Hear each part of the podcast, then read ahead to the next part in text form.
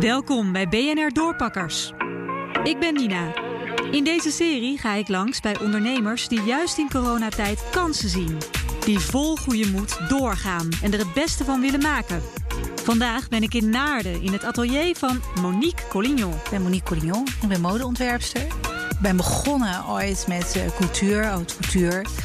En toen confectie. Ik heb veel bedrijfskleding ontworpen. Het laatste, ik heb het Holland Casino uh, lopen in mijn ontwerpen. En de laatste is het uh, Prinses Maxima Centrum.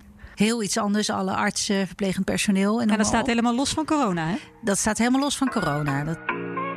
De coronacrisis raakte Monique hard. Ze ging van 100% omzet naar niks. Nul. Ja. En toen kreeg ze van alle kanten het advies om mondkapjes te gaan ontwerpen. Nou, daar had ze dus geen zin in. Ik was heel recalcitrant. Ik zei, dat ga ik helemaal niet doen. Het slaat helemaal nergens op. Het heeft geen zin. Waarom zag je dat niet zitten? Omdat stoffen, uh, die houden altijd gaatjes tussen de vezels en de draden. Dus dan kan je hem nog zo strak geweven hebben. En het meest voorkomende zou natuurlijk een bepaalde katoen zijn.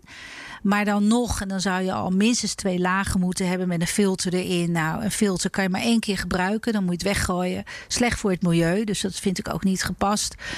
En ik, ik had zoiets van, ja, weet je, ik vind dat, dat iets te ver gaan. Ik wil gewoon, als dat.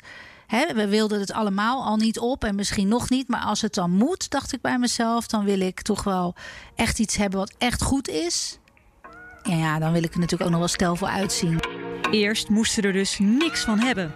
Maar vrienden en collega's bleven maar aandringen. Mootje, moet jij niet eens met kapjes? Een andere lieve vriendin uit Duitsland van mij, Beate, begon ook. Ik dacht, shit, weet je wel. Dan gaan ze het aan me trekken en ik heb er zo geen zin in. Ik dacht, oké, okay, oké, okay, ik ga wel een patroontje maken. Dus ik zocht een stuk papier thuis en ik ging even een patroontje maken. En van iets, een stukje stof ging ik hem ja, echt met een zaggerijnig hoofd, zeg maar, dat kapje op doen. En zo is het wat. Mijn zus, weet je, ik heb drie zussen, altijd de, de jury, uh, zeg ik dan. Even vragen. Nou, iedereen zei, nou, dat ziet er wel goed uit, ziet er wel goed uit.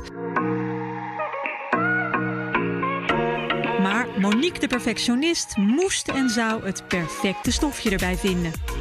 Dat is dus een non-woven waar ik nu mee werk. En dat is van Freudenberg in Duitsland. En die zijn uh, non-woven is niet geweven. En dat is een hele technische uh, procedure waarop dat gemaakt wordt. Met alle microfilamenten die door hoge druk stralen. En, en ook nog diversiteit daarin geperst worden, zeg maar. Mm -hmm. En op een gegeven moment heb je dus een non-woven, noemen we dat. Ja. Flinterdun. En, en één laagje dus maar. Het is één laagje hier. Ik kan het voelen. Mag ik hem aanraken? Ja.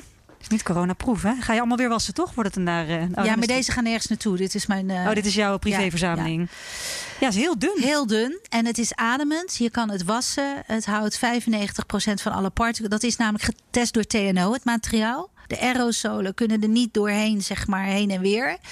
Uh, maar het is wel ademend. Het is flinterdun. Je denkt eigenlijk, je ja, wat geen heb ik filter nodig. Nee, precies. Dit is Ja. al helemaal het filter.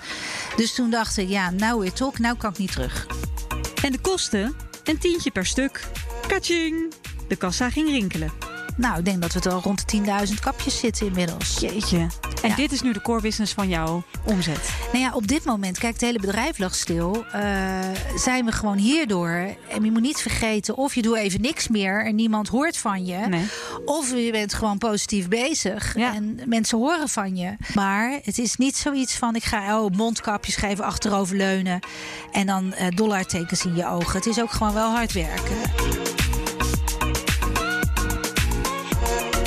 Monique heeft inmiddels tientallen designs. Van snake tot pearl tot Hoe leuk is dit? Dit is de struisvogelprint. struisvogel. Ja, Ik zie er niet zo snel een struisvogel in. Waar, waar moet ik de struisvogelprint. Kijk maar even naar de Hermes tassen en zo. Sorry dat ik dat even zo noem, maar dat is Ja, dat maakt het gelijk heel duidelijk. maakt het gelijk heel duidelijk, want die heb je in je kast natuurlijk. Ja, ja, ja, tuurlijk. Door met de kerstkapjes. Met de hulst en de.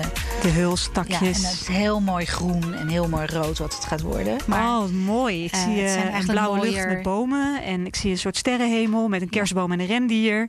En natuurlijk de rode, eh, het klassieke kerstrood met Ja. de witte sneeuwvlokken. Ja, ik word er helemaal hebberig van. En niet alleen ik. Een Monique Collignon blijkt ineens weggelegd voor een veel grotere doelgroep dan voor corona. Bizar, hè? Wie had dat kunnen denken? Jij zelf niet, volgens mij. Absoluut niet. Nee, absoluut niet. Echt niet. Hoe leuk is dat? Weet je, niemand had dat misschien gedacht. Ik kan in ieder geval mijn dingen een beetje doen. Weet en jouw je? afzet is waarschijnlijk groter dan je misschien van tevoren wel voor mogelijk had Nou, ik heb natuurlijk zoveel meer content dan voorheen. Zoveel meer verkeer op mijn Ja. webshop. Ja. En dat is natuurlijk heel erg leuk. En met een rood designerkapje op mijn snuit vertrek ik bij doorpakker Monique Collignon. Morgen hoor je weer een nieuwe.